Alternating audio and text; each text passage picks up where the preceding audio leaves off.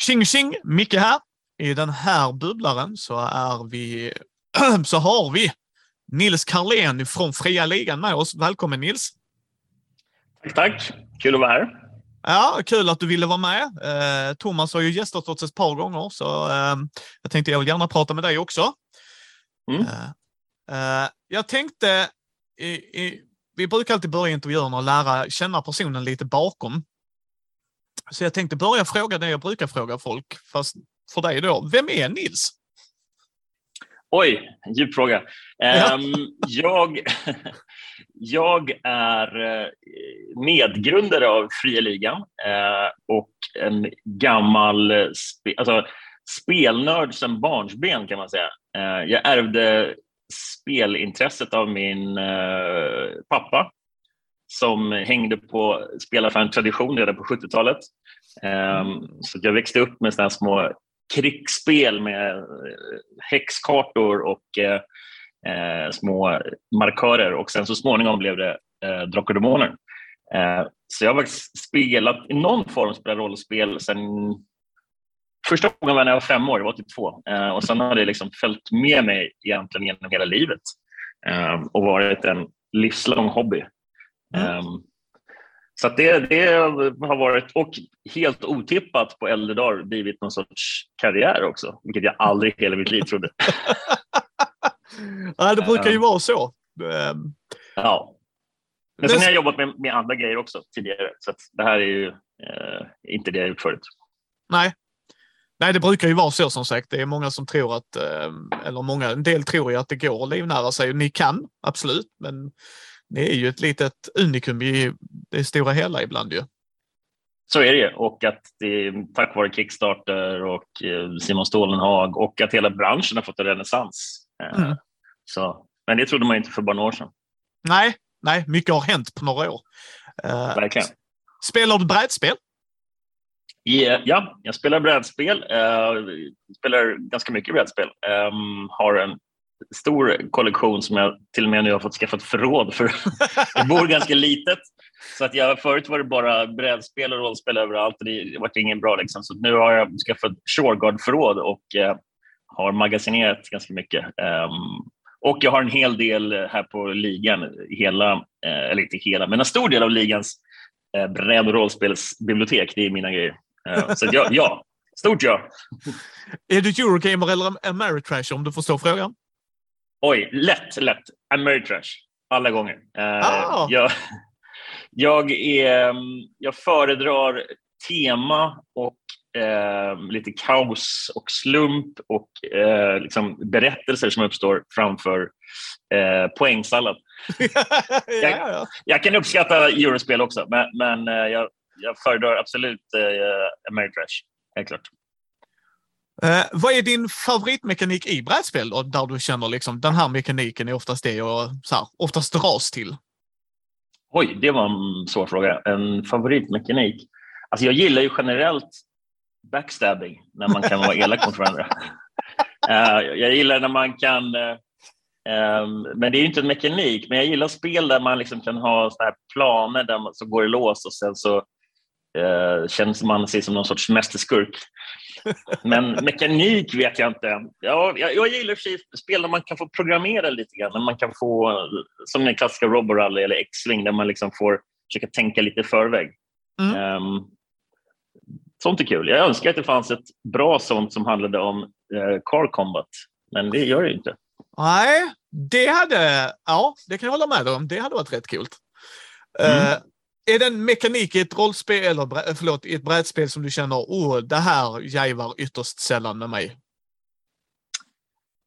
Uh, ja, du måste tänka efter också. Uh, alltså generellt så tycker jag ju uh, eurospel där liksom allt handlar om det här brainburninga om att hitta, bygga en ekonomisk motor och skaffa mer poäng än någon annan tycker jag är lite tråkigt för att det blir ju, man saknar, eller jag saknar direkt, jag gillar att interagera med medspelare, jag gillar att man liksom fightas eller förhandlar eller vad man nu gör.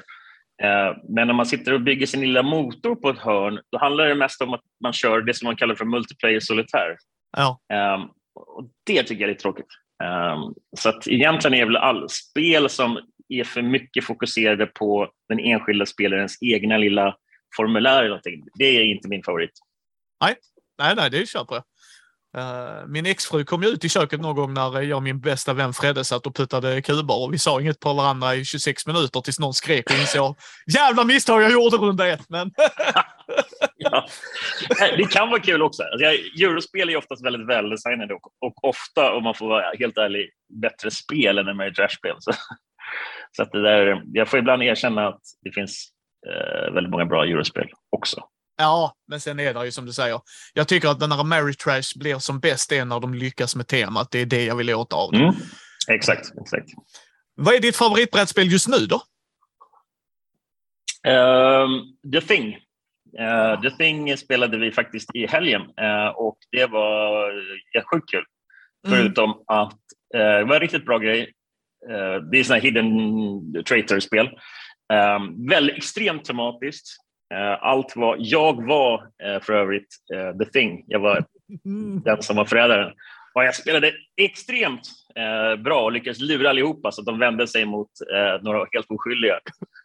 Men på slutet, när, när helikoptern kom och man ska dra iväg, då Costa i fria ligan, han var också alien thing. Han lyckades sabba allting. Nej!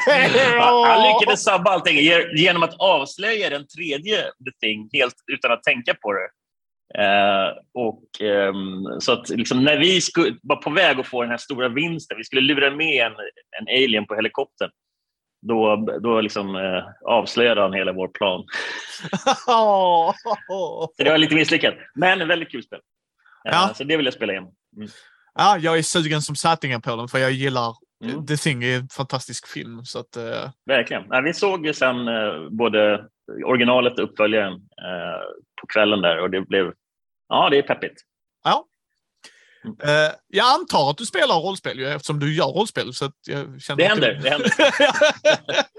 Nej, men absolut, det gör jag. det gör jag. Både här på, vi spelar ju, har ju liksom pågående spel på ligans kontor Eh, ja. Där vi både speltestar våra egna och testar andra spel. Eh, men sen också privat. Liksom. Ja. Eh, är du rull eller rollspelare? ja, du. Jag vet inte om man kan kategorisera mig som någon av dem. Jag är inte en powergamare och jag är inte heller någon sorts liksom, som rollspelar väldigt avancerat. Så jag skulle säga varken eller. Eh, ja.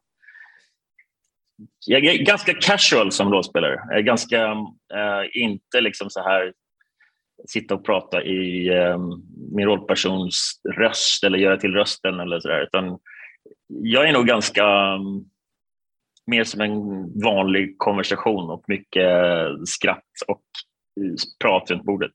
Mm. Skulle jag säga. Ja, ja, nej, men det, det köper jag rakt av. Är du spelledare eller spelare helst? Eh, spelledare alla dagar i veckan. Eh, mm. Och det är nog mest av gammal vana och att det är så härligt att få bestämma. eh, men jag har, jag har, alltid varit spelledare sedan jag var barn och det är egentligen först nu senaste året när vi har spelat på ligans kontor som jag har börjat uppskatta att vara spelare. För annars har jag det har krypit i kroppen på mig för att jag vill liksom ta över och mm. berätta, liksom, berätta hur omgivningen ser ut och sådär. Um, men nu har jag börjat uppskatta det. Nu mm. spelar jag Docka Demoner till exempel. Där är det faktiskt väldigt kul att vara spelare för då, det funkar bra uh, för mig. Ja. Men annars, 100 procent spelade. Ja, nej, nej men det, det köper jag. Men mm. vad är din favoritsetting i spel? Alltså där du känner, liksom, är det fantasy, är det sci-fi, är det horror? Mm, bra. Ja du. Um, favoritsetting? Alltså jag är ju ganska svag för sci-fi. Um, mm. jag, egentligen skulle jag säga att uh, min originalfavoritsetting väldigt länge, det var hård sci-fi. Det var 2300 AD av uh, Game Designers Workshop som gavs ut på 80-talet. Och det var lite grann för att det var den, uh, det spelet som mest liknade typ Alien. Eh, det var mm. lite industrial sci-fi. Och på 80-talet fanns det inte så mycket. Det fanns Star Wars, det fanns eh, lite andra grejer. Men det här var det som jag tyckte då funkade bäst med de här coola filmerna. The Abyss, Alien, alla de här klassiska rullarna. Så det var nog min första stora kärlek. Um, så jag skulle säga sci-fi kanske i original, men numera är jag väldigt ombytlig. Um, jag kanske inte är en, fan, jag är inte en fantasy-snubbe egentligen i grunden, utan jag är nog mer um, historiska settings eller science fiction. Mm. Typ. Uh, vad är ditt favoritrollspel just nu? Favoritrollspel just nu? Vilka svåra frågor. Ja, jag vet. Uh, jag ska inte säga något om våra, för det tycker jag är fusk. Jag ska säga...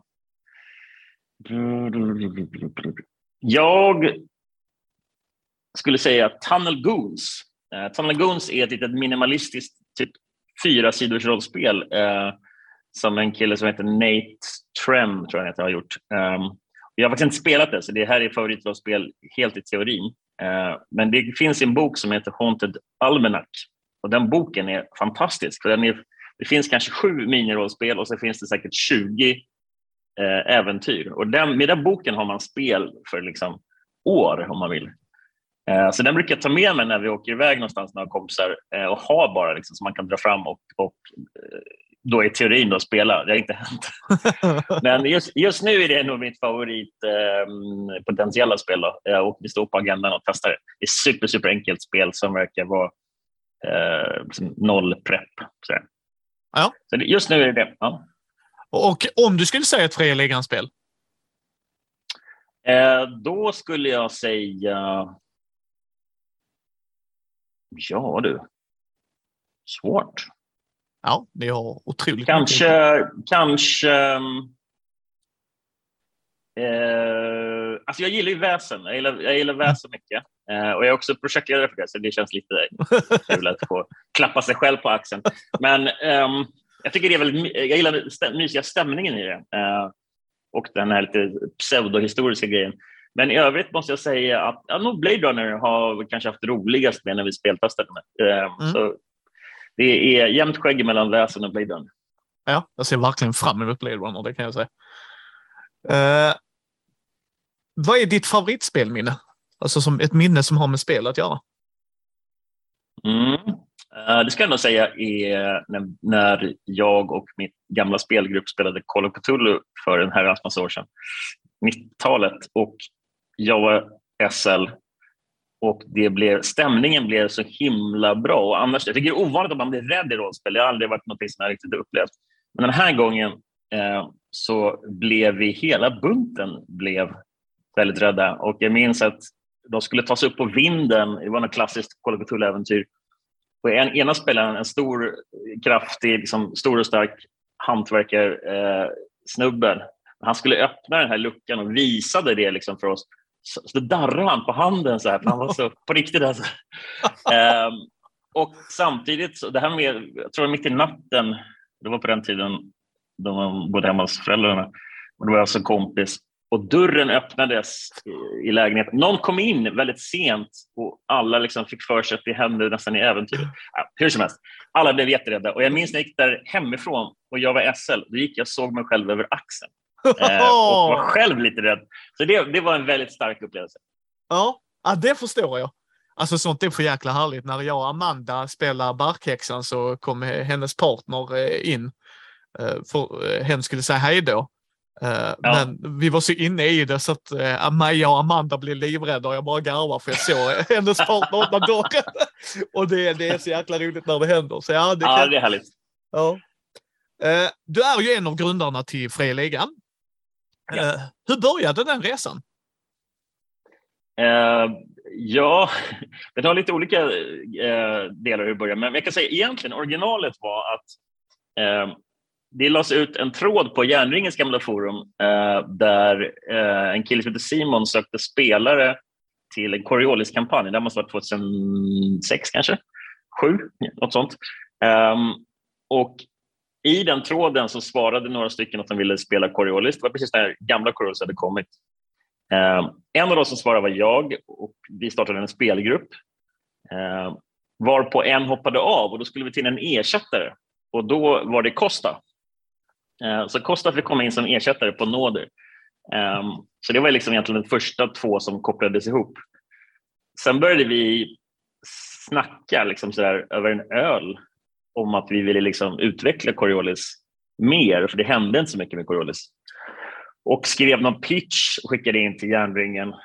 Eh, och de var helt otippat jätteentusiastiska. Så, Ni får göra vad ni vill. Eh, så vi skrev några grejer till Coriolis. Eh, den här Ljusblommans mörka blad och någon till äventyr och någon Fenix special minns jag. Vi gjorde en webbsajt också som hette Horisontens ände. Ehm, och vi tyckte det var otroligt stort att få jobba med Coriolis. Och sen, rätt vad det var, så sa de att eh, ni får ta över Coriolis. Eh, och då kändes det som att liksom så här, mind blown ungefär. Jättestort. Och sen från, plötsligt från där gick det till att järnringen skulle lägga ner. Eh, och då satte de ihop oss med Thomas som jobbade med, som var frilansare och skrev det här Svalvinterrollspelet. Um, och satte ihop oss, med, eller oss tre och då Christian som var med på layout. Um, och då frågade de helt enkelt om, ni, om vi ville ta över typ deras verksamhet. Um, mm. Och det här var 2009, ja, fan det var det, 9 eller 10. Uh, och jag minns fortfarande det samtalet när, när det var liksom plötsligt så här, ska vi köra eller inte? Och det var ju inte planerat, så det var ju väldigt mycket att järnringen la ner och de frågade om vi ville typ fortsätta deras, liksom, ta över deras arv på något sätt. Uh, och det var därför. Mm. Uh, så att det var lite av en slump, lite att vi var stora fans och lite att vi skrev lite grejer. Uh, och sen så att det blev en bra, vi fyra som var med och grundade klickade väldigt bra, så kreativt. Ja. Ja. Tack så mycket kan jag säga. Jag är ett stort fan av det ni gör. ja, tack. Eh, men vad är din jobbeskrivning på Fria Ligan? För du gör, skriver ju ibland, du är ju projektledare på vissa grejer och så här. Liksom, hur, hur funkar det på, på din arbetsplats? Det är väldigt, fly, väldigt flytande. Nej, men det, det, är, alltså det är verkligen uh, varierat kan jag säga. Det är uh, allt från att vara projektledare, det vill säga att liksom, koppla ihop eh, eller jobba med frilansare, gå igenom manus, eh, jobba med layout, eh, layoutare och så vidare, allt möjligt. Eh, till att koncepta spel, eh, vilket är en ganska stor grej vi gör tillsammans, att vi sitter hela tiden och bollar idéer. Eh, till att som nu flytta kontor, då har jag skött kontorsflytten och så mycket sådana här enkla grejer eh, som bara dyker upp när man är ett litet företag. Um, allt möjligt. Eh, väldigt varierat. Ingen dag är andra lik. Eh, men i grunden så är det oftast jobba med frilansare eh, på våra olika spellinjer eh, och sitta och liksom bolla fram nya koncept och idéer. Det är väl, och så, så ibland gör lite inhugg och skriver och så, men vi har ju gått från, vi skriver ju mindre och mindre själva egentligen eh, mm. och har jobbat mer och mer med frilansare. Nu försöker vi faktiskt eh, lite grann börja skriva mer igen för att så man inte ska tappa det för mycket. Nej. Så nu håller jag på skriver på lite nya projekt med några i ligan på ett hemligt projekt. Mm. Uh, ja, så det, det är lite kul att vara igång på mm. den fronten igen också. Ni ger ju inte bara ut uh, rollspel och äventyr och uh, liksom. Ni ger även ut böcker. Ni ger ut brädspel. Två stycken vill jag säga, va? Det är ju Tales of the Loop och eh, vad heter de? Crusader Kings va? Crusader Kings, yes. Precis. Ja. Men hur, hur börjar det? För det är en viss skillnad att skriva en rollspelsbok och en facklitteratur eller litteratur överlag tänker jag mig. Men hur har det också, liksom, för ni började med rollspel om jag har förstått det rätt ju. Hur? Vi började med rollspel, ja nej. Men dels lite storhetsvansinne, eh, men också att egentligen bara att vi ville pröva på saker. Alltså väldigt mycket, alltså det här med böckerna till exempel, det kom ju så mycket också att vi, eh, Simon Stålenhag eh, jobbade, med, eller jobbar med oss och vi gav ut hans bok och det gav plötsligt så här, men då kanske vi kan ge ut lite andra böcker. Eh, men om jag ska vara helt ärlig, det var ingen genomtänkt plan. Det, det var mer så här, vi prövar på och ser hur det blir. Eh, lite grann samma med brädspelen. Vi tänkte så här, varför inte pröva att göra ett brädspel? Mm. Och ehm, ja, det, det, är egentligen en nyfikenhet. Jag tror ganska mycket av oss som jobbar i ligans drivkraft är att vi vill pröva nya saker och testa saker som vi tycker själva är roliga. Eh, så blir inte allt perfekt. Allt blir inte som vi har tänkt oss, men eh, det är kul att lära sig och kul att pröva på nya grejer. Um, så egentligen bara det, nyfikenhet. Sen har vi styrt om lite grann. Nu gör vi inte så mycket böcker längre. Uh, lite grann gör vi, men nu fokuserar vi mer, mer på rollspel. Mm. Så att, det där går lite fram och tillbaka. Ja, alltså det, det, ja, det kan jag förstå. Kommer ni göra fler brädspel? Eh, ja, det kommer vi. Eh, men eh, de kommer antagligen, jag skulle tro, alltså det här är också ganska löst, vi kommer nog antagligen göra kanske lite mindre brädspel och lite mer kopplade till våra rollspel, skulle jag tro, istället för mm. stora påkostade liksom, produktioner. För det göra brädspel, framförallt nu i dessa dagar med liksom, logistikproblem över hela världen, så är det väldigt komplicerat och måste tryckas i Kina, de måste skeppas i hela världen, fram och tillbaka. Um, så det är, ganska, det är ganska struligt med brädspel. Så att vi eventuellt, um, vi kommer göra mer. I vilken form? Inte riktigt säkert, men jag skulle tro kanske lite mindre ett tag. Sen får vi se. Mm. För sen kom ju den stora nyheten idag i inspelande stund den 20 eh, oktober. Ju. Mutant Year Zero Zone Wars. Jag, jag kan mm. säga att jag har aldrig skrikit så mycket som när jag ser ankor för övrigt. Jag älskar mm. ankor. Uh, och detta ska vara... Yes, förlåt. Nej, de är bara de är underskattade. De är väldigt effektiva. Yes. Alltså jag älskar dem. Alltså det, det finns inget bättre. Folk frågar varför, för de är så värdelösa. Och, och att folk underskattar dem och sen blir de så episka när de väl bara gjorde en anka. Ja. Eh, men det är ju ett figurspel om jag förstod det rätt, eller hur? Det stämmer. Ja. Eh, det är ett skirmish-spel. Kan man säga. Så det är mindre figurspel, det är inte liksom stora arméer, utan det är färre figurer. Precis. Eh, jag har lite frågor från min poddpolare Micke här också, för han blir också jättetaggad. Mm. Mm. Eh, är spelet något som du tror någon som aldrig prövat spel som 40K eller ens inte gillar spel som är inriktat på PVP-spel skulle gilla Zone Wars? Eh, definitivt ja på första frågan. Eh, det här, vi, tanken med Zone Wars är att göra ett skirmish-spel som inte är gjort för framförallt för folk som är inne i hobbyn eller för folk som har spelat GV-spel hela sitt liv. Utan mer för ett lite mer casual-aktigt spel man kan dra fram med polarna liksom en fredagkväll och spela några matcher i, eller till och med köra lite mer narrativt så att man kan koppla in lite rollspelsdel. Det är inte ett spel som är gjort att vara superbalanserat eller att sitta liksom och skapa arméer och, och måla hundra gubbar, utan det är ett mycket snabbare, enklare, ja, enklare spel. Um, men också att komponenterna är typ färdiga, så att gubbarna är, man behöver inte måla gubbarna, de är så kallade sundropped, så de är rätt snygga från början. Uh, det kommer finnas mer terräng i lådan.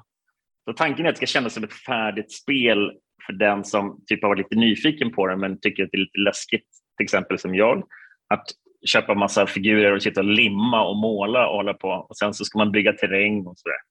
Mm. Uh, så det är tanken. Det ska vara tillgängligt skirmish-spel. Um, för fråga nummer två, om man inte gillar PVP? Tveksamt skulle jag säga. För det, är ett ganska elakt spel här. Ja. Här, här spelar man mot varandra. Uh, och man kan vara två till fyra spelare, så man kan köra liksom, multiplayer, men det är väldigt mycket PVP. Ja. Det är ganska långt ifrån eh, Settlers of Catan. ja, för sen har han också frågat, eh, skiljer det sig eh, från vad, vad skiljer sig från de andra i genren med PVP? Vad är det som gör att detta sticker ut lite mer? Alltså, säga, nummer ett är, eller så det är ett par grejer. En grej är att det här är ju mutantvärlden, uh, så att det är kopplat till rollspelet. Vi använder delvis samma mekanik som uh, MUTANT år 0. Um, så det är ganska kompatibelt på det sättet. Så det finns liksom en, en crossover-faktor där. Men uh, nummer två skulle jag väl säga att det är multiplayer. Um, många skirmish-spel och miniatyrspel är gjort för två spelare. Um, och vi har, när vi har spelat ganska mycket sånt här på kontoret, väldigt, ganska casual de senaste åren, så har vi nästan alltid hittat på egna regler för att spela fler, för, det, för att få den här sociala upplevelsen. Så när vi gjorde det här så sa vi från början att det här ska vara ett multiplayer-spel. Så det är byggt från det, för det från början. Och det är ganska ovanligt. Det finns inte så många sådana spel. Det börjar komma några sådana nu, men nästan alla klassiska skirmish-spel är gjort för två spelare. Um, så det skulle jag säga är en viktig pitch. Och nummer tre eh, är väl det här att vi har försökt göra det väldigt... Alltså det är ett helt komplett spel. Allt man behöver ska komma i lådan. Mm. Så att det inte ska bli det här att man måste liksom pantsätta huset för att köpa målarfärg och sådär. Nej. Um, så det är väl de tre grejerna. Ja, sen kom, så, står, så frågar han också, figurerna kommer ju färdiga. Men går det att skräddarsy sina mutanter med skills som gör att de känns mer personliga eller kommer det vara fasta grejer i allt? Eh, det kommer vara både och. Det kommer finnas... Eh, alltså, mutanterna är ju färdiga. De kommer ha karaktärskort och det kommer vara liksom med namn och så här och vara färdiggjorda. Men det kommer även eh, finnas eh, regler för att skapa sina egna. Så man kan eh, göra egna gubbar. Eh, och ta, om du har en miniatyr hemma, du kan ta någon därifrån. Du kan ta din göra om din rollperson in i spelet och sådär. Så att det, det finns eh, möjlighet att göra egna karaktärer så att säga. Mm. Ja, jag ser fram emot detta du. Um, jag, är, jag är lite så här, jag har spelat 40K och sånt väldigt länge och det är roligt på sitt sätt, men jag, jag håller med dig där Nils. Det är lite så här, ja, en mot en, okej. Okay. Uh, det blir inte samma sociala grej, men sen samtidigt när man kan, alltså jag älskar mutantvärlden. Jag kan inte understryka hur mycket mm. jag älskar den. Och Mutant Year Zero är en fantastisk värld att spela i kan jag ju säga. Det. Mm, ja, kul. Ja, tanken också med det här är ju att det här ska vara mer Kanske så här, man kan spela eh, med rollspelsgruppen. När man ser att någon kanske inte dyker upp eller till man blir lite färre. Då kan man ta fram det här och köra och få någonting som är inte rollspel, men det är lite som åt det hållet. Det, är lite, det skapar mycket kul narrativ. Man blir jagad av en landhaj samtidigt som en psimutant står och kontrollerar ens eh, liksom, gubbe. Det blir, ro, det blir roliga cinematiska stories som uppstår i gameplayet. Uh, så det är, det är målet med det här spelet.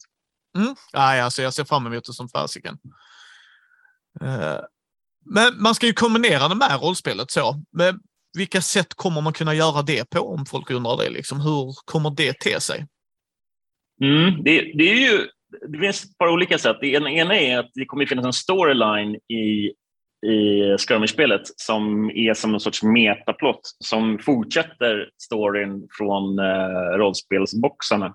Så det kommer vara lite, det tar vid där, där liksom Elysium och de här grådöden och allting eh, slutade.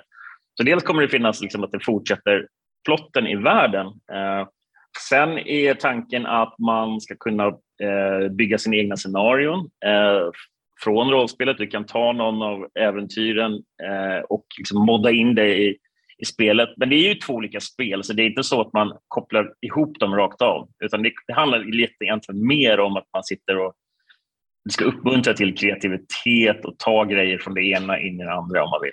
Eh, och det som, är, det som är passande då är att liksom regelbasen är rätt lik rollspelet. Den är inte identisk, för den, vi har gjort, anpassat den till eh, skirmish, eh, ja, skirmish-nivå. Men eh, det finns mycket gemensamt, så man kommer känna igen sig.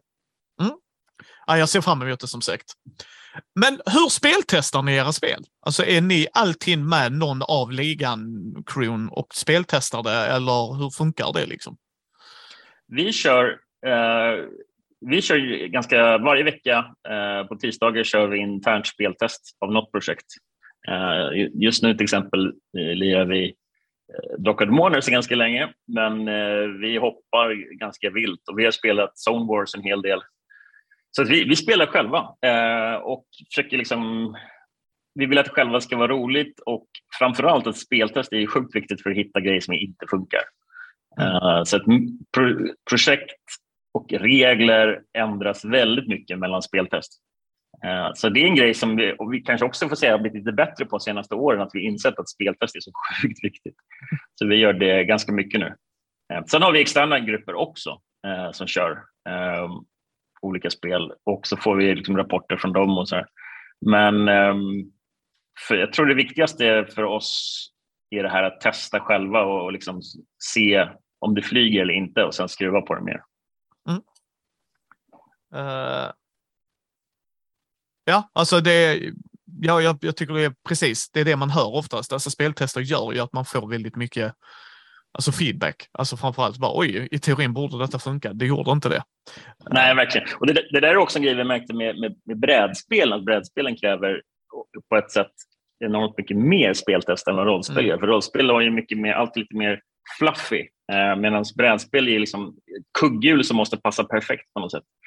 Så att eh, brädspel är ju rätt tung eh, speltestare, så det kräver ganska mycket energi.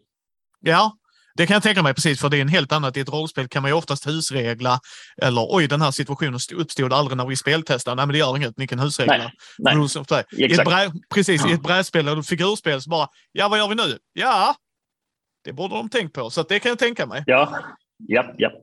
Eh, ni har ju inte bara Alien, utan nu har ni också The One Ring, ni har eh, Blade Runner som kommer. Eh, när kommer det kommer jag inte ihåg, men det spelar ingen roll. Det kommer när det kommer. Eh, hur landar man de e IP-erna, kan jag säga? Eh, nej, men det, jag tror att det, man bygger på det man har sedan tidigare. Eh, I vårt fall var det väl eh, framför allt att vi lyckades landa Alien. Och det gjorde vi kanske till mycket, i stor del för att vi hade en hit, stor hit med Tales from the Loop i USA. Eh, 2017 eller någonting, när, 17 18, när vi vann en massa Emmys och sådär. Det spelet blev en snackis. Eh, och sen var det lite slump också att eh, Thomas eh, träffade en eh, person som känner någon som jobbar som en sorts agent eh, som vi har jobbat en hel del med. Och han har varit väldigt bra på att liksom ta de här kontakterna och jobbat med oss, så han har hjälpt oss. Mm. Men det är mycket, vi gjorde Tales from the Loop och då kunde vi få chansen att göra Alien. När vi gjorde Alien så kunde vi få sen få chansen att göra Eh, Blade Runner och The One Ring. Alltså allt det här ger nästa projekt ger på något sätt cred för att få, eh, eller vad säger jag, förra projektet ger cred att göra nästa. Så att, mm. ja. Alltså det är, det är typ så. Ja, alltså jag älskar Alien-boken. Alltså det var verkligen så här hur den är layoutad, strukturen, de har, att det är två olika spelarläge, liksom att du har den så här one-offen, liksom här kommer vi dö antagligen, det är Alien, det är liksom. Eh, det, det, det hör till. Ja, men precis, liksom, men, men verkligen. Mm. Och att man och har kampanjeläge, att man har ändå tänkt lite olika och det. Eh, vad kommer härnäst i Alien? Liksom? Vad är planerna där? Eh, där kommer det är nästa kampanjbok som håller på eh, och jobbas på eh, nu. Eh, och det är en eh, kampanjbok som handlar om eh, explorers och kolon kolonister. så det kommer vara en kampanjbok som är liknande den som vi gav ut om Colonial Marines mm. för något år sedan. så det är, den, det är nästa produkt eller nästa släpp Ehm, och I den kommer det finnas massa matnyttigt, massa lår, massa grejer för att spela de här, men också en, en sån minikampanj som man kan spela med mini-missions. Så en matig bok. Um, det är väl eh, det. Sen har vi en till grej, men det är lite early days där som, eh, som vi inte riktigt kan prata om än. Men det, det kommer ju mer såklart. Mm. Uh, du har ju skrivit för Alien, om jag har förstått det rätt. Du har skrivit någonting mm. till Alien. Hur, hur är det ja. att skriva till, alltså, missförstå mig rätt här Nils, men jag tänker när man skapar MUTANT år nollvärlden tillsammans med gänget, alltså det måste ju vara en otroligt annan frihet i att nu finns det, det bestämmer vi, mm. till att mm. nu är vi aliens värld. Och där är väl, antar jag, att där är parametrar man jobbar efter. Alltså du vet så här. Vi kan ta en jedi-riddare som springer in liksom så här, tjong, tjong, tjong, utan det liksom. Nej, Nej, men så är det absolut. Men där, där har vi också haft hjälp av eh, folk som har varit väldigt kunniga om, om Loren, som har verkligen kunnat eh, veta vad, hur tidslinjen ska se ut, vad som ska finnas var och sånt. Så där har ju liksom vi eh, fått hjälp av folk som kan den här eh, liksom världen utan och innan. Så att när vi gjorde spelet så var, hade vi den hjälpen och vissa grejer krävde ju väldigt mycket eh, att man verkligen satt och hade stenkoll på minsta detalj. Andra saker eh, var ju kanske inte lika eh, liksom, svåra på det sättet. Kampanjdelen till exempel, kampanjkapitel. Och så här, det är mycket som är mer, handlar generellt om hur man spelar skräck eh, och sådana grejer. Och det är ju inte någonting som man måste sitta liksom och eh, anpassat till alien-världen helt och hållet. Så det, det, var inte så komplicerat egentligen. Eh, så länge man har bra folk som har stenkoll på världen som är involverade så brukar det lösa sig. Mm. För sen, sen har du skrivit lite till Svärdets sång. Uh, mm. Alltså, för det är det jag menar. Där har du Alien, där har vi den mörka skräcken eller action om man vill se tvåan. Mm. Mm. Uh, det är det jag älskar med ett och två. De andra filmerna behöver vi inte prata om. Uh, de finns, vi får acceptera det. Men sen har du ju Svärdets sång som är liksom ett high fantasy ska man väl ändå säga ju. Hur, mm, det är lite blandning av high och low fantasy. Ja, men fantasy åtminstone, det är liksom den andra. Hur är det att skriva för en sån? Alltså, de olika settingarna är nog mer frågan, liksom, för att Svärdets sång är sin mm. grej, Mutant är sin grej, Alien är sin. Mm. Eh, det är en bra fråga. Alltså, eh, Svärdets sång var ju eh, ett kul projekt, för det var ett, vi gjorde väldigt mycket gemensamt på ligan. Och det är egentligen det jag skrev i Svärdets sång, det var mest de här en massa olika tabeller och spelskapargrejer. Så att det här hur man slumpar fram sin karaktär, hur man skapar monster, hur man slår fram äventyrsplatser. Eh, mycket av den biten, vilket mer spelighetsgrej eh, skrev jag och det var väldigt inspirerat i sin tur av OSR-spel. Eh, klassiska Dungeons Dragons derivatspel som har ganska mycket eh, ska man säga, quirkiness, humor i sina eh, tabeller. Eh, för, jag menar, Svärd sång var ganska mycket tanken att vi skulle spela ett, eller skapa ett spel där, som var sandboxigt och det uppstår roliga situationer runt bordet och liksom plotten är inte styrd utan man ser vad som händer. Eh, så på det sättet så var det väldigt kul att, att liksom bara skapa en massa verktyg. Eh, så jag skrev inte någon lår till det, utan det gjorde Erik Granström framförallt. Eh, och eh, jag tycker det var jättekul. Jag tycker fortfarande det är ett av våra bästa spel, även om det har sina nackdelar hit och dit. Men, men eh, jag kan fortfarande ta fram böckerna och sitta och bläddra i det och, mm tycker det är väldigt mysigt. Så att, helt annorlunda grej. Um, men det var ett väldigt kul projekt för att det var väldigt kollaborativt i ligan. Mm. Ja, ja, men det kan jag tänka mig. Men vad kommer härnäst till Svärdets sång? Kommer det något mer i pipelinen? Det ligger ju två böcker i pipelinen. Det är det Bästarnas bok och Blodslandet eh, som är, håller på att produceras. De var lite försenade, men de är på G. Sen är det, efter det så är det också några grejer på gång. Eh, och Det är ju fortsättningen egentligen eh, på kampanjdelen som eh, Erik har, är med och skapar. Eh, så nästa del, nästa liksom kampanjbok där man öppnar upp en ny karta och sånt, och Sen har vi lite andra idéer också, men de är lite mer ofärdiga. Eh, så mm. det kommer fler. Vi ska få ut de här två ut genom eh, dörren så att säga först och sen kommer mer kampanjböcker. Men det, det, är lite oklart exakt hur det kommer att se ut efter nästa kampanjbok. Mm. Det är bara roligt att höra den linjen, för det är väl, jag har läst en del folk som är lite oroliga just när ni gör Drakar och Demoner det är att Svärdet som mm. kanske faller i glömskan, men det är roligt att höra att så mm, Nej, det, det gör det inte. Vi har, vi har planer för år framåt kan jag säga, så det, mm. det, den kommer inte överges. Sen kommer vi till MUTANT år 0. Uh, jag älskar MUTANT år 0. Alltså, jag kan inte tacka er nog för att ni har gjort detta. Det är ett spel som jag har nämnt för nybörjare för att det är ett poolbyggarsystem. Alltså rulla dina tärningar, sexor är lyckade, ettor är lite sämre. Och jag älskar er år 0 motor Jag bryr mig inte om vad folk säger. Som eviga spelledaren finns det inget bättre än när vi tar ett MUTANT år 0 eller Gear Zero Engine. Tack, skitbra, jag vet grunden. Vad är ändringarna? Nu kör vi liksom. Mm. Uh, och ni har förfinat den som fan. För jag har läst allt till MUTANT Uh, och alla boxar, att de kommer lite olika. Så du vet, först har vi MUTANT och sen kom Genlab Alpha, uh, liksom Maskinarium med Lysium och alla de sakerna. Och jag, mm.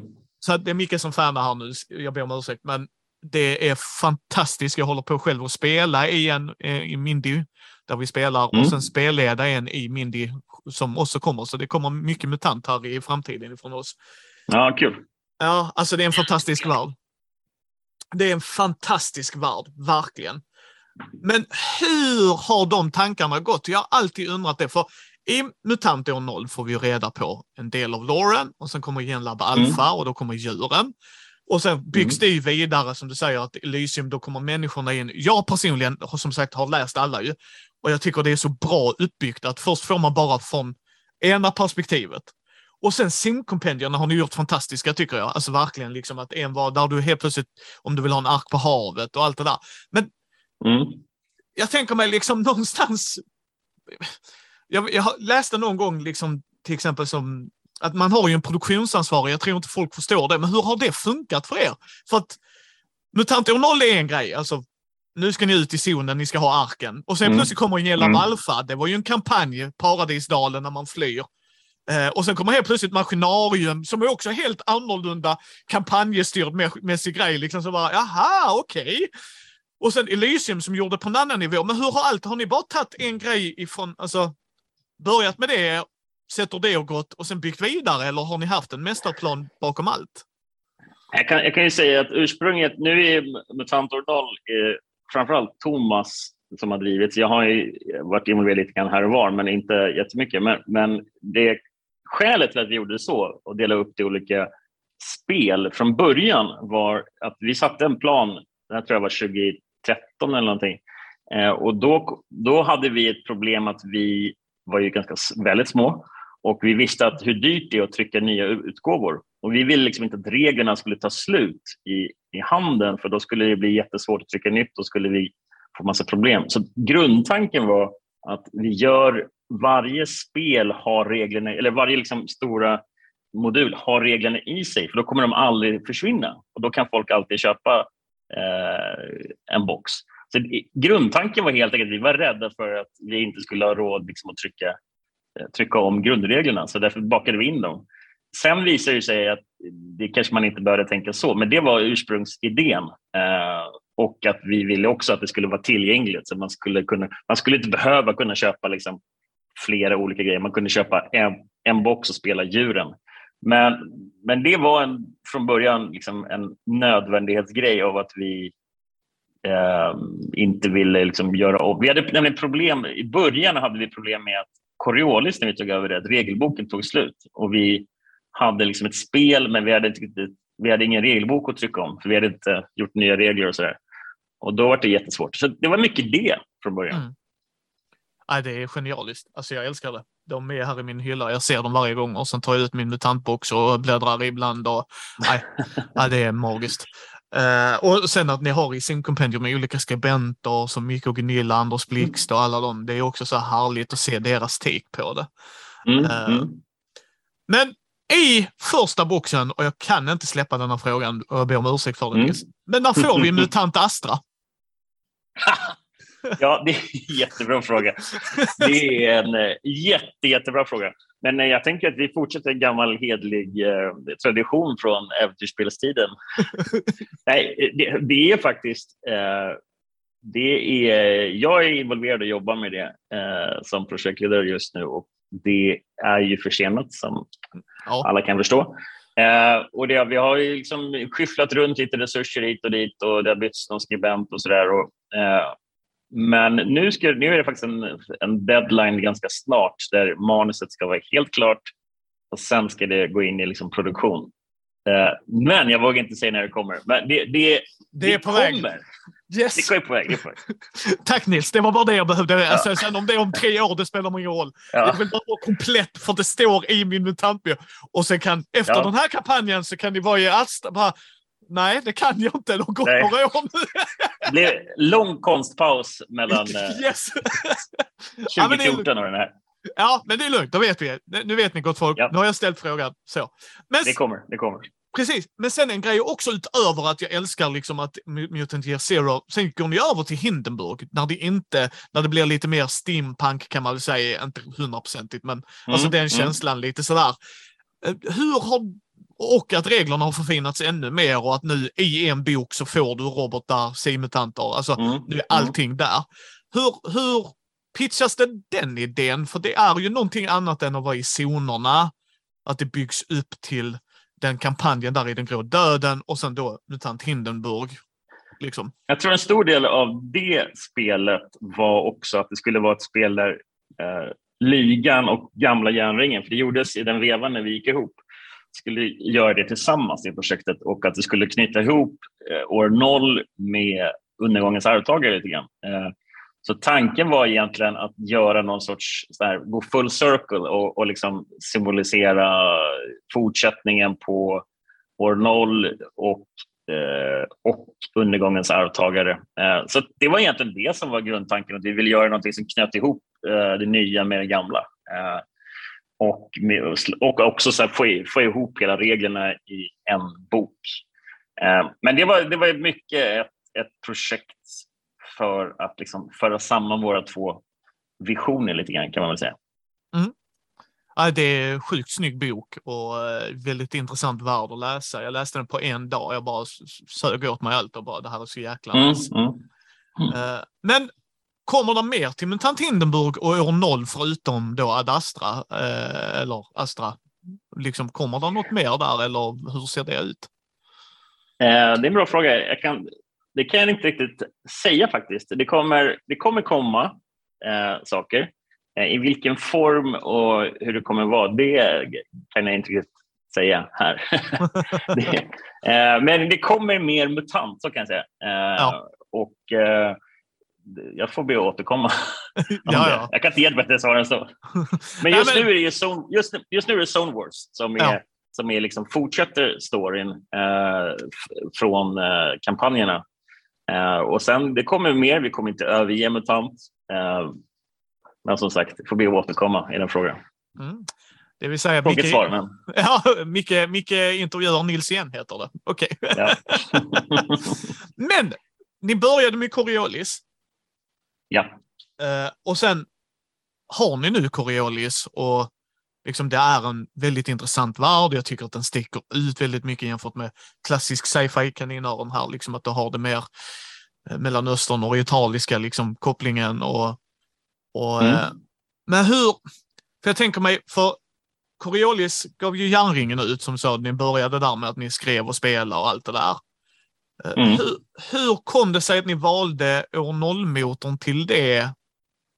Var det liksom att det var bara mycket, för jag älskar det, som sagt. Det finns inget mm. bättre för mig som spelledare, gå från MUTANT år 0 till Coriolis. Mm. Få en annan känsla, där är lite tweakar och regler, att man har olika positioner och det. Men hur, hur såg den processen ut? Liksom, för att... Den processen kan jag säga var skakig och det var inte alls meningen från början. Eh, tanken, för, jag tror faktiskt att eh, jag tror Thomas skrev en kanske två eller tre utkast på olika system till Coriolis för länge, länge sedan. Um, som vi testade lite grann och sen så tyckte vi att inget riktigt uh, funkade för det vi ville.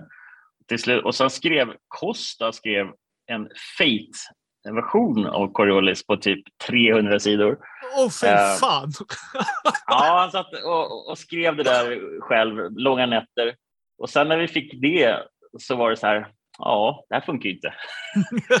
så då, då var det lite så här, vad gör vi nu då? Vi hade hållit på massa olika regelsystem och då var det någon som sa, jag kommer inte ihåg om det var Christian eller om det var Thomas eller vad det var, sa, men ska vi inte bara köra år noll-reglerna? Eh, och då, det hade vi absolut inte en tanke på att återanvända i något annat spel innan det här. Så att det var lite grann så att vi, hit, vi hade inte blivit nöjda med någon version innan och sen tänkte vi att vi kör år noll-reglerna igen då och anpassar dem. Och det blir ju sen lite grann starten för det här year zero system, att liksom lägga in det i fler spel. Så från början var inte det planen. Eh, så det var, vi lagade efter läge lite grann. Men det blev ju bra och det blev ju, nu är ju Coriolis en väldigt tidig version av år 0-systemet, men sen har det ju liksom utvecklats för varje spel lite grann. Mm. Ja, jag gillar det. Alltså, som sagt, för mm. mig är det väldigt uppskattat när det är så att det är liksom jag gillar när det blir enkelt, för som jag säger till folk, ska du vara spelledare och ha 17 olika system så kommer det blanda ihop sig och då blir det jobbigt mm. och drygt och det kan dra folk. Och jag älskar hur nybörjarvänligt nollmotorn är. Det är väldigt enkelt. Ta mm. det, du har ju grundegenskap, färdigheter, prylbonus, kör. Mm. Liksom. Men tanken är också lite grann med hela det tänket är ju att eh, dels underlättar det som, som, du säger om folk kan grunden, då, då blir ju spelet mycket enklare att ta till sig. Eh, men också att eh, se till att varje spel är anpassat efter liksom det man vill. Så I MUTANT så har ju det här att allting blir sämre. I Alien har du stresstärningarna och, och så vidare. Eh, och det behöver man inte alltid bygga ett helt nytt system för. Det är det jag tycker en del kanske missar lite grann när de, när de pratar om att... För det finns ju de som verkligen inte gillar att vi använder år 0 till många spel och tycker att varje spel ska ha egna regler. Men det jag tycker de missar lite grann är att bara för att det är en ny regelgrund betyder inte det att eh, det liksom emulerar upplevelsen bättre än om man tar en grund som finns och anpassar den. Mm. Eh, utan det är ju snarare utförandet som är liksom grejen. Så eh, det har funkat bra, men eh, vi har ju kikat lite hit och dit eh, åt olika håll. Det har ni och jag till exempel älskar det i Hindenburg och i eh, väsen och i Tales from the Loop är när man pressar sig så tar man ett tillstånd nu. Och så mm. istället för att det är skada på själva grundegenskapen som innan. Liksom. Och jag gillar mm. den utvecklingen verkligen för att då är det verkligen du pressar dig Nils, är du arg, ledsen, förbannad? Alltså att det blir mm. fortfarande narrativ. narrativ. Ja. Nej, men det är en trevlig folk tycker jag också. Det är ju Eh, Nils Sintze som har skrivit mycket av eh, Tales from the Loop och Väsen. Och det, är en, det är en liten annan känsla på de två spelen än med de andra. Och det är kul att det finns... De är lite mer narrativa, lite mer rules light. Eh, och så finns det på andra sidan spektrat i Twilight 2000 som är väldigt crunchigt eh, och mycket mer simulerar liksom, strider och sånt på ett sätt som eh, inte man kan göra till exempel i Tales. Så det handlar om vad man gör med vad man eftersträvar i spelet och sen försöker anpassa reglerna efter det. För, kommer de mer till Coriolis och Tales from the Loop och de spelen? Nordiska väsen? Eh, liksom. Uh, yes, ja det gör det. Uh, Coriolis kommer ju uh, inom en snar framtid kommer sista delen i den här stora kampanjen, Ikonen och snål. Um, Tales kommer också en grej, men den är, har vi inte utannonserat ännu. Men det, mm. det jobbas på en grej. Så det mm. kommer mm. någonting mer där också. Och sen, eh, det är så svårt att prata om projekt som vi inte har utannonserat. Men det, det, kommer, ja, det kommer mer på alla de här fronterna. Ja. Eh, det är lite bara att, eh, eh, ja, det, det, kommer, det kommer utannonseras när vi närmar oss.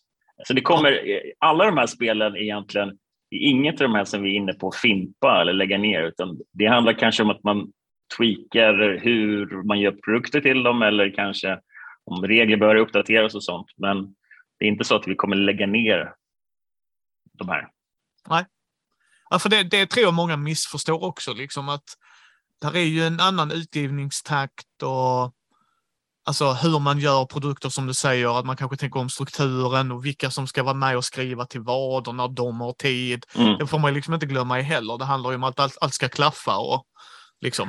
Nej, men sen är det också lite olika. Eh, som vi ser i alla fall så kräver vissa spel eh, behöver inte heller ha ett så högt utgivningstempo. Till exempel Tales on the Loop är ett spel där väldigt många spelar och skapar egna äventyr eh, och sitter och skapar egna städer och sitter och, och liksom eh, de behöver, det är inte ett spel som kräver långa moduler. Eh, um, Medan andra spel, eh, till exempel som Alien, där behövs det mer support. Där behövs det mer, för där vill man, det är den här världen man måste ta sig in i. Man vill ha cinematics som kanske kräver handouts och kartor och så vidare. Så det är lite också beroende på vilket spel vi pratar om. Eh, så vi försöker, vi försöker liksom anpassa efter vad spelen behöver. Sen är det ju, det är klart, ibland upplever man att det tar lång tid för någonting att komma ut, men det, det, är inte så att vi överger spel, medvetet i alla fall. Nej, det gläder mig. Sen har ni ju uh, The One Ring. Det är en grej jag tycker mm. är så väldigt... För, för, jag tror många är lite rädda, för ni har, om vi tittar i fantasygenren, då har ni liksom mm. Svärdets sång, som är en helt annan grej, vilket jag tycker är lite så här, jag har jättesvårt när folk blandar ihop, bara för att det är samma genre inom kaninöron, menar inte att det är samma mm. känsla. För sen har ni ju Eh, nu Drakar och Demoner som ska komma, Dragon's Bane på engelska. Sen har ni ju då ja. The One Ring. Men varje gång jag har läst det jag har läst till mig. Symbarum också. Symbarum också. Så har ju hela tiden det varit en annorlunda känsla på varje produkt, om du förstår vad jag menar. Ja, ja. Uh, uh, nej men absolut. Uh, och det, ska man ju säga också, det var inte så att det här har varit en grand plan från början. Vi har inte vetat om att vi ska göra The One Ring när vi gjorde Svärdets sång till exempel. Men, det som är ju bra, som, som jag tycker funkar från vår del, är att de är väldigt väsensskilda i tilltal och ton eh, och art och allt sånt där. Så att, jag menar, The One Ring är ju ett spel som verkligen emulerar Tolkiens berättelser, böckerna och som handlar om den här djupdykningen i den här mysiga världen, att liksom, eh, sätta sig ner och fika vid vägkanten och prata med alver och, och liksom upptäcka Midgård. Medan Svärdets sång är mycket mer, man spelar någon sorts roväventyrare som går omkring och plundrar och letar guld. I väsensskild liksom, känsla i dem. Eh, och det, alla våra spel försöker vi hitta en olika ton i dem. Drakar Demon till exempel är tänkt att vara väldigt eh, casual, kanske fel ord att använda, men lättillgängligt och kunna spela med nybörjare, eh, ha lite så mysigt tilltal. så det kommer också vara en annorlunda en nisch än de andra. Men det är klart att ibland så, så det är ganska många spel i fantasygenren. Mm. Och jag älskar varenda en av dem för att jag tycker de gör sin grej och det är det jag försöker säga mm. till folk när jag mm. pratar med dem. Att det är, jag menar Symbarum är ju min typ av fantasy. Det är depp och död rakt igenom. Det är så här, mm. Ja, det är verkligen. liksom, och jag förstår att det inte är det folk alltid älskar för det är där jag säger, det är där The One Ring kommer in, att det är high fantasy. Yeah. Att det är det jag inte gillar. För jag måste mm. också säga, era starterboxar är några av de snyggaste, snyggaste starterboxar jag har sett. Just ja, i, vad kul att höra. Ja, mm. för just i produktionen, att vi har Alien, att den är lite maffigare, att du får med en kampanj, att du får grundreglerna. The One Ring, oh my freaking god, vad jag älskar den. Att man använda mm. bägge insidorna på lock och botten är bara mm, så här, varför gör inte folk detta mer? Nej, men det, det, det är också en grej som vi har jobbat lite och vi planerar att jobba ännu mer med. Men att starterboxarna är ett bra sätt för att också samla tillbehör som förut såldes separat. Det var lite rörigt att få tag på allting, det blev ganska dyrt.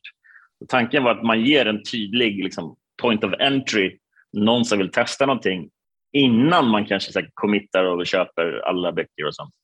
Uh, så det är också så, ett grundläggande tänk i våra spel är att de ska vara tillgängliga. Uh, och att de ska vara hyfsat lätta att ta sig in i och då är starterboxen liksom en, ett led i den tanken. Mm. Och sen är det en trend också. Det har kommit tillbaka lite grann med starterboxar generellt. Och jag gillar den trenden, för det är som du säger, för mig är det... Ja, jag med. Ja, för det är liksom en lägre prisklass. Uh, och visst, det är, vissa är lite dyrare som Alien, men du får mer i den som jag säger. Man måste också kolla produktionsmässigt vad man får. Men sen också att mm. man, jag tror man måste komma ifrån tänket att en ska betala det. För pitchar alla in ja. en hundring var och man spelar tio gånger, alltså det är ju... Mm. Alltså det, är ju... ja, det, är, det är en billig hobby på det sättet, absolut. Ja. Eh, sen tror jag att det må, många gånger är så att det sitter en stackars spelledare som vill äga allting kanske också. Jag har ju varit som själv. Och så, så går du köpa, exakt. Och så går du och köper alla böcker och då, blir det, då kan det bli lite dyrt där liksom, om man ska köpa. Jag menar, köpa de här tre startböckerna i Dungeons Dragons, det är 1500 spänn tror jag. Mm. Det är inte jättebilligt. Eh, Nej. Så att, det, men det är också en grej med tillgänglighet att priserna eh, inte liksom skenar iväg allt för mycket. Eh, men nu, ja, sen är inflation och allting. Men, men ja. eh, så, så, är det ju och det är ju fortfarande en hobby. Va? Men jag tycker fortfarande det som jag brukar säga till folk när de blir sura på starterboxen. Ja, men man får ju inte allt. Det är inte vad en starterbox gör. Ni, ni kan inte ta gamla mutantboxen eller Drakar och Demoner expertboxen. Det är inte så ni ska tänka. Jag förstår om det är Nej. där man kommer ifrån, utan det här är för, åh, du har aldrig spelat Nils, här. Mm. Mm. Där kommer däremot till exempel Drakar och Demoner kommer ju vara mer som gamla MUTANT och Drakar Det är spelet. Uh, men det är ju också för att det spelet har vi liksom skapat så att det ska uh, det är liksom det skopet på regler och så vidare. Medan ett spel som Alien kräver eh, mer utrymme på något sätt och mer mm. tillbehör. Så det är också olika vad det, är för, vad det är för grejer. Men vad är den största utmaningen som folk kanske missar med det ni gör? Alltså, vad, vad är det folk underskattar? För folk har alltid åsikter, det vet vi. Mm. Ganska det... mycket skulle jag säga. Ganska mm. mycket. Det är, jag tror att jobba med att utveckla och skapa och trycka rollspel är en ganska annorlunda grej än vad folk tror utifrån. Alltså en jätte, jättestor del eh, är ju logistik.